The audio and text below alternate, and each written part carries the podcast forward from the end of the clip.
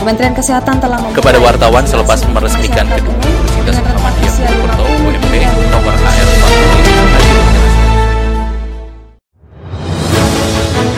Halo pendengar, saat ini Anda sedang mendengarkan kumpulan peristiwa Pro 3. Pada podcast ini, saya akan mengulas terkait isu-isu aktual yang saat ini masih hangat atau ramai diperbincangkan di sekitar kita. Tentu saja, nanti saya akan hadirkan cuplikan informasi dari reporter-reporter kami. Bersama saya Dila Kusuma, inilah kumpulan peristiwa Pro 3 di ruang dengar podcast Anda. Pendengar sebelum saya masuk ke dalam beberapa isu aktual yang akan saya hadirkan sesaat lagi, saya mengundang Anda untuk mampir ke laman berita kami yaitu di rri.co.id. Anda juga bisa follow Instagram, Twitter, serta Facebook kami di @rri_programa3. Baiklah pendengar, inilah kumpulan peristiwa Pro 3. Juru bicara Satgas Penanganan COVID-19, Profesor Wiku Adhisa Smito, meminta masyarakat untuk lebih waspada terkait situs abal-abal peduli lindungi seperti situs peduli lindungi ia.com. Situs abal-abal tersebut bukan situs yang digunakan pemerintah melakukan penanganan COVID-19. Masyarakat dapat mengakses dan mengunduh pedulilindungi.id di App Store atau Google Store. Aplikasi tersebut menjadi salah satu syarat bepergian dan beraktivitas di tempat publik. Aplikasi ini dibuat pemerintah sebagai alat screening kasus positif COVID-19. Berikut pernyataan dari Profesor Wiku Adhisa Smito selaku juru bicara Satgas Penanganan COVID-19.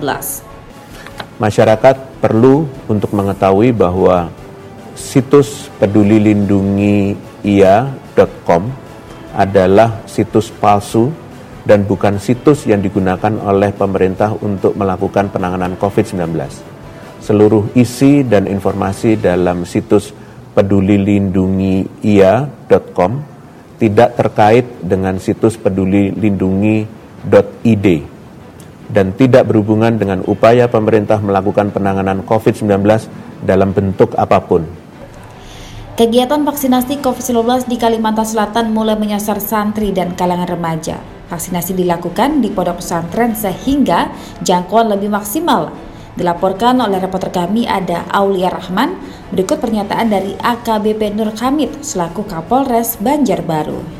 Kita melaksanakan vaksinasi sinergitas Polri status Presiden dan terima kasih eh, yang luar biasa kepada masyarakat atas atensinya kegiatan vaksin selama ini. Kita beralih ke informasi lainnya di mana Badan Keuangan dan Aset Daerah Provinsi Sulawesi Selatan belum menerima berkas dari rumah sakit milik provinsi sehingga insentif COVID-19 untuk tenaga medis belum bisa dicairkan. Insentif untuk bulan April hingga Juli 2021 pun belum dibayarkan. Dilaporkan oleh reporter kami ada Iin Nurfahraini, Berikut pernyataan dari Salehudin selaku Kepala Bidang Perbendaharaan Daerah Badan Keuangan dan Aset Daerah atau BKAD Sulawesi Selatan. Kalau rata-rata rumah sakit ada sampai bulan 4, waktu itu dibayar sampai bulan 4, saya sudah hafal. Hmm. Siap sampai bulan 4, siapa sampai bulan 3. Berarti yang tinggal ditunggu ini untuk pembayaran bulan 4, 4 5, 6, 7. Kita beralih ke informasi dari dunia olahraga. Menteri Koordinator Politik, Hukum dan Keamanan, Mahfud MD, memastikan pertandingan Pekan Olahraga ke-20 tahun 2021 di Papua dapat dihadiri oleh penonton dengan syarat harus sudah divaksin dan menerapkan prokes dengan ketat. Dilaporkan oleh reporter kami ada Naldi Kesaulia. Berikut pernyataan dari Mahfud MD. Sekarang sudah memutuskan setiap pertandingan bisa ditonton. Cuma syaratnya dua. Satu, protokol kesehatan. Yang kedua, jumlah penontonnya akan ditentukan sesuai dengan keadaan yang akan ditentukan dalam waktu tepat. Jadi tidak bisa berbondong-bondong.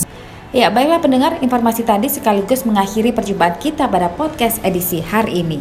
Anda masih bisa mendengarkan podcast edisi hari ini di Spotify dengan hanya mengetik RRI Pro 3 di kolom pencarian. Tetaplah menjaga jarak dan tetaplah berada di rumah saja. Saya Andela Kusuma bersama dengan editor Kaudi Aulia pamit undur diri dan sampai jumpa.